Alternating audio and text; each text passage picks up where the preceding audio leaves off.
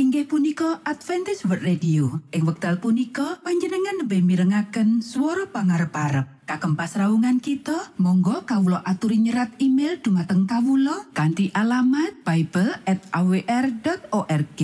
utawi panjenengan uki saged layanan kalian Kawulo lumantar WhatsApp kanti nomor plus setunggal saged layanan kalian Kawulo kalh kalh sekawan kalh kalh kalh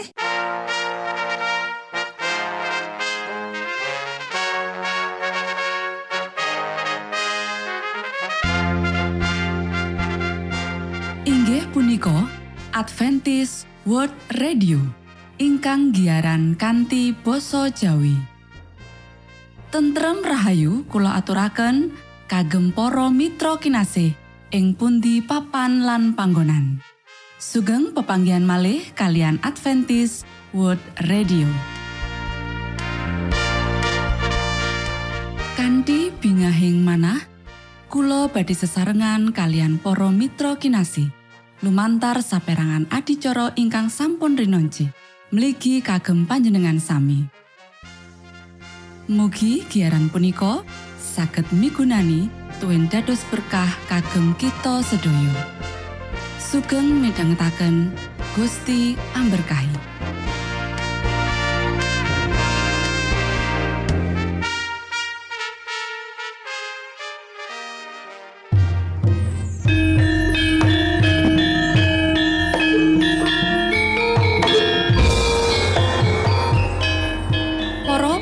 Pamirsa kinasih ing Gusti Yesus Kristus, sugeng pinanggih malih kalian Adventist World Radio. Ing wekdal punika, kita badi sesarengan ing adicara ruang kesehatan ingkang saestu migunani kagem panjenengan saha kita sami. Tips utawi pitedah ingkang dipun aturaken ing program punika tetales dawuhipun Gusti ingkang dipunnyatakaken ing kitab suci. Semanten ugi sakehing seratan ingkang dipun wangsitaken dening Gusti Allah.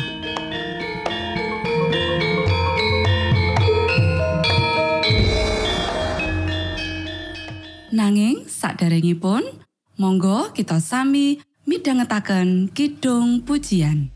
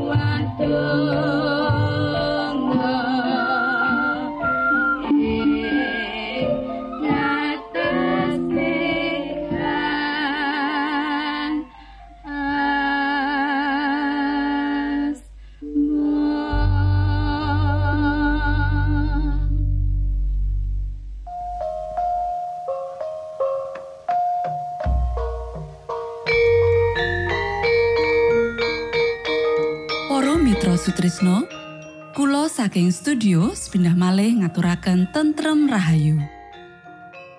Puji syukur dumateng Gusti ingkang murbeng dumati ingkang sampun kepareng paring wewenngan kagem kita. Satemah saged nglajengaken ruang kesehatan. Pirembakan kita semangke kanthi irah-irahan. Woh-wohan perangan kalih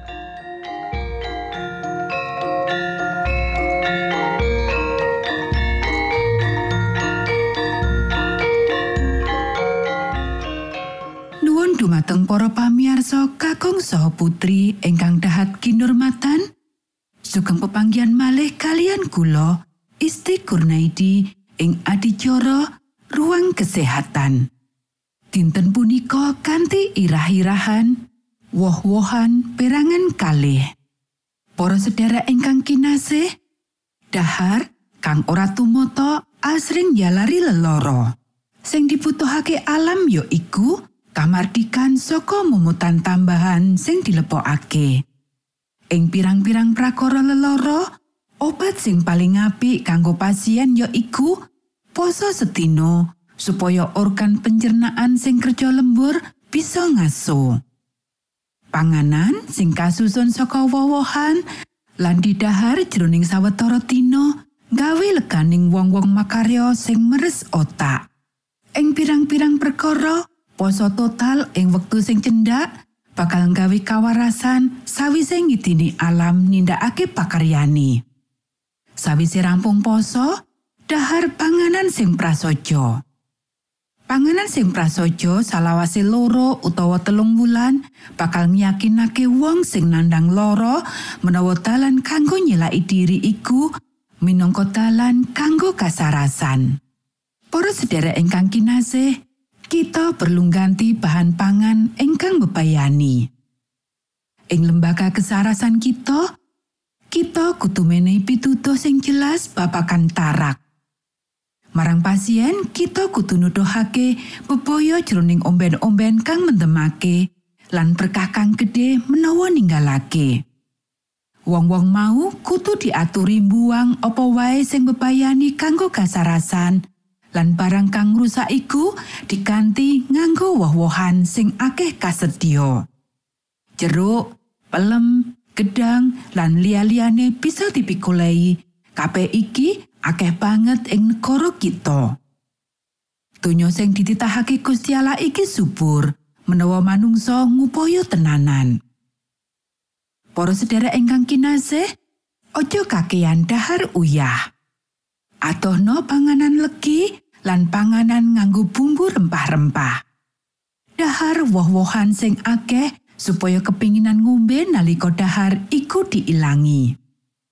ing endi wae woh-wohan bisa tuwuh akeh pacawisan mangsa adem kudu digawe kanthi cara dikalengake utawa garingake woh-wohan cilik kaya kismis lan macem-macem jenis woh-wohan peri bisa tuwuh ing endi nanging mung sawetara wong sing nggunakake lan cara ngolahe ora dikatekake panyimpenan ing kendul luwih apik tinimbang ing umplung. Panganan sing disimpen kudu sing paling apik. Gunakake sedidik wae gula. Kodhok woh-wohan iku mung nganti umum. Pajawisan kasebut minangka ganti sing paling apik kanggo woh seger. Woh-wohan ing ngendi wae bisa dipikulai kanthi murah, kayata anggur, apel, jambu, lan liya-liyane. Iki bisa digunakake minangka panganan utama amarga luwih bebas digunakake. Kasiate paling apik kanggo kasarasan lan tenaga kanggo kabeh wong kang makarya. Sari apel sing disimpen ing kendul enak banget lan sehat. Per lan cherry yang bisa dituweni bakal migunani banget ing mangsa adem. Para sedherek ingkang kinasih, menawa panjenengan bisa oleh apel panjenengan bejo banget ngendikan babakan wowoan apel wis cukup yen ora ana liyane aku ora mikir macem-macem woh sing penting nanging wowoan iku diklumpukake lan disimpen kanggo didahar nalika ora ana apel ing ngendi-endi. Apel duweni kualitas sing luwih dhuwur tinimbang woh-wohan liyane. Woh-wohan seger dipetik saka kebon.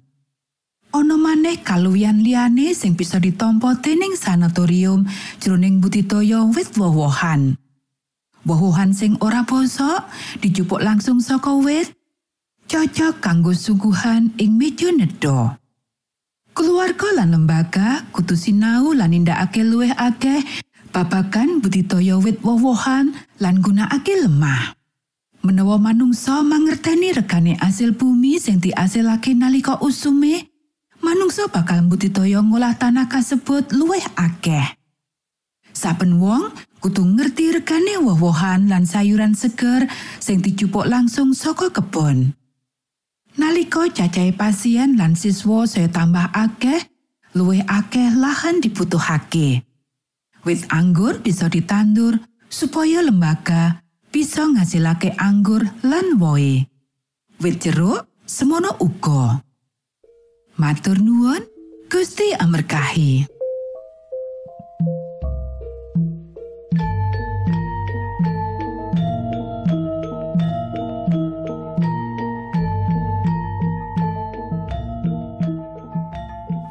Semanten pimbakan ruang kesehatan ing episode dinten punika. Mugi pisegahan punika saged migunani kagem kita sami. Ugi sampun kuatos jalaran kita badhe pinanggih malih ing episode sak lajengipun.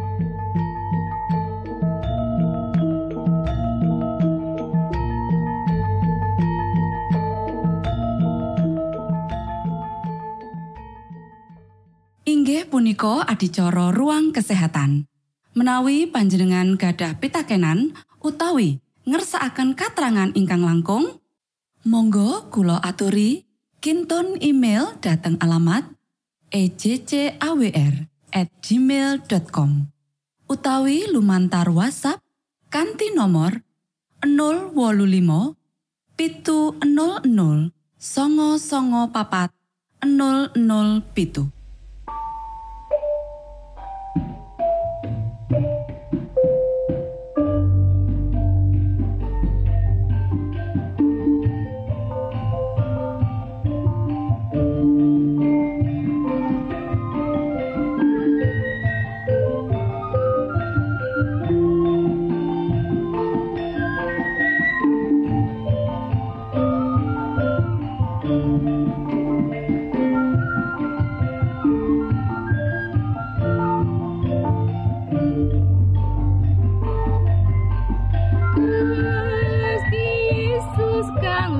Lord.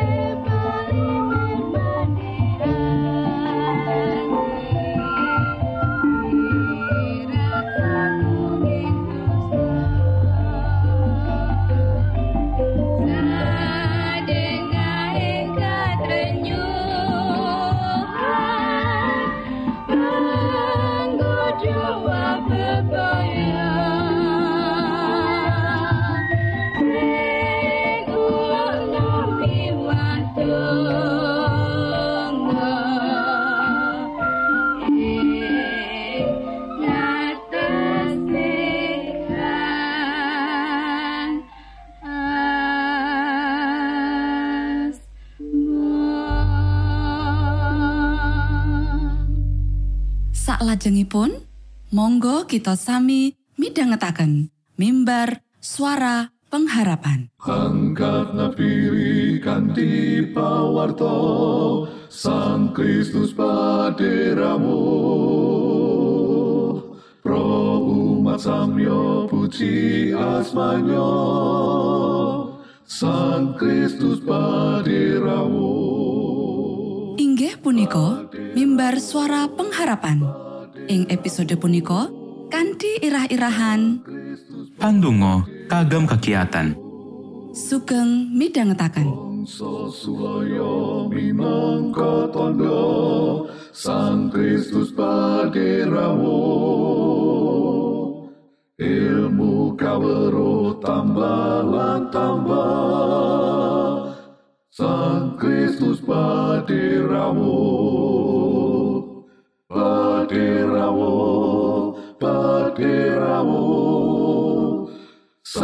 Kristus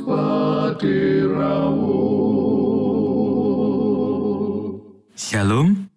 Para pamirsa ingkang kinasih wonten ing Gusti. Samenika kita badhe midhangetaken renungan sabda pangandikanipun Gusti. Ing dinten punika kanthi ira-irahan pandungo kagem kegiatan.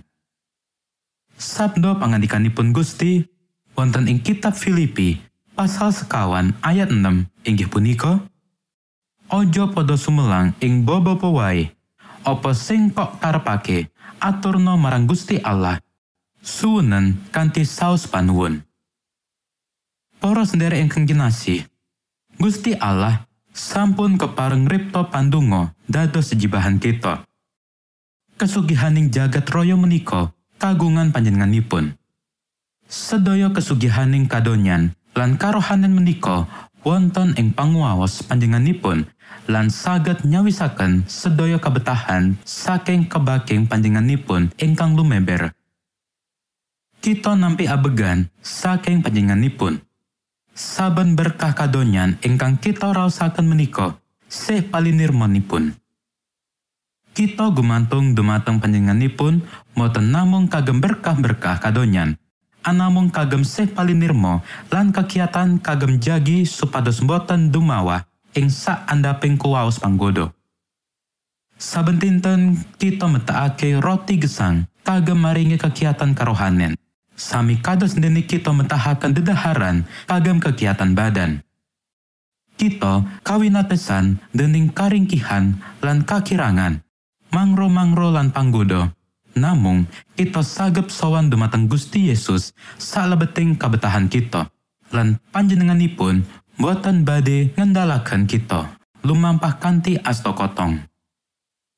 Kita kedah ngulintenaken ngupadi tuntunanipun. Gusti lumantar padungo, kita kedah sinau pitados dumateng panjenenganipun ingkang dados tukipun pitulungan kita. Kita kedah ngadai pangertosaning kang lebet lan estu-estu dumateng kabetahan kita. Kita kedah ngrausaken keringkihan kita lan gumantungipun kita dumateng Gusti Allah lan sowan dumateng panjenenganipun kanthi kasisahaning jiwa ingkang lebet lan manah ingkang remuk rempu. Panyuwunan-panyuwunan kita kedah kaaturaken salebeting pasrah ingkang sampurno. Saben pepengingan kedah kaasto sarujuk kalian karsaning Gusti Allah. Lan kersa panjenenganipun kedah katindakaken wonten ing diri kita.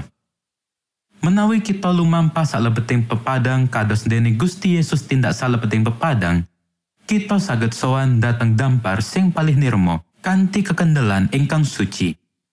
Kita saged nyuwun prasetyo-prasetyonipun Gusti Allah wonten ing kapitadosan ingkang gesang lan andesakaken panyuwunan kita. Senadyan kita ringkih, dosa, lan boten pantes, roh ugi paring pambiyantu keringkihan kita. Nalika kita sampun ngaturaken panyuwunan kita sepindah, sak sampunipun menika kita sampun ngantos nglirwakaken naming maturo kados dene ingkang Yakub tindakaken nalika panjenenganipun gelut sedalu natas kalian malaikat kula boten marengaken panjenengan tindak kejawi panjenengan berkahi kula lan kados dene panjenenganipun kita ugi badhe nimpang Para sendiri ingkang kinasih Namung kanthi ngantosaken pandonga lan andadar pitados ingkang gesang, pramila tiang-tiang Kristen saged ngimat kejujuran ing saklebeting panggodaning iblis. Aturno sateruse bahasaning pracaya ing atimu. Gusti Yesus paring dawuh panjenenganipun badhe nampi kula lan kula pitados sabdonipun. Kula badhe anemuji panjenenganipun. Kula badhe amulyaaken asmanipun. Setan bakal caket ing sakiringmu kanggo mbujuk supaya kowe ora bisa ngrasakake kesenengan apa wae. Wang sulono dheweke, aku nduweni kabeh bab kang marakake aku seneng. Amarga aku iki putraning Gusti Allah. Aku pracaya ing Gusti Allah. Monggo kita ndedonga. Duh Rama kawula ingkang wonten ing swarga. Asma paduka mugi kasucikaken. Kraton paduka mugi rawuh. Karso paduka mugi kalampahan wonten ing bumi kados dene wonten ing swarga. Kawula mugi kaparingan rejeki kawula sakcekapipun ing dinten punika. Soho paduka mugi ngapunten kalepatan kawula kados dene kawula inggih ngapunteni tetiyang ingkang kalepatan dhateng kawula. Punapa dene kawula mugi sampun ngantos katandukaken dhateng ing panggoda nanging mugi sami paduka uwalaken saking piawan. awit dene paduka ingkang kagungan keraton saha wisesa tuwin kamulyan salami laminipun. Amin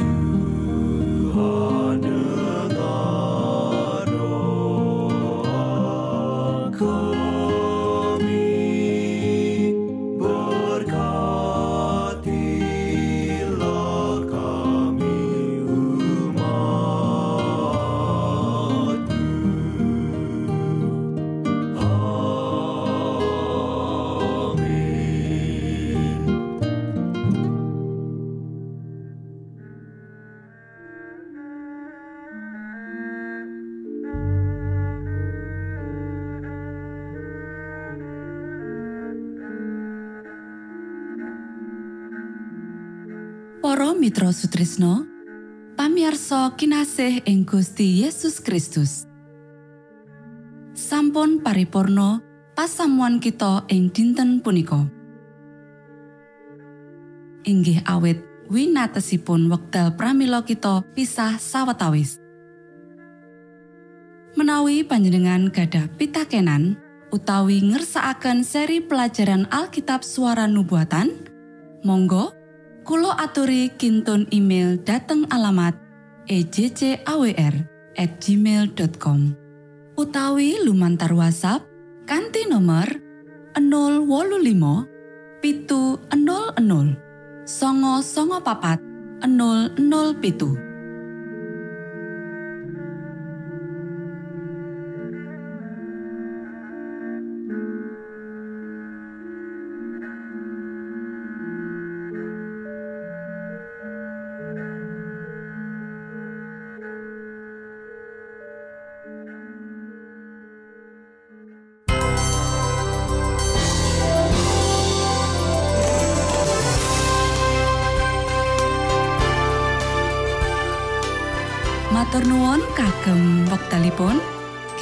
badhe pinanggih malih ing gelombang ugi wekdal ingkang sami. Saking studio kula ngaturaken tentrem rahayu. Gusti amberkahi kita sedaya. Maranatha.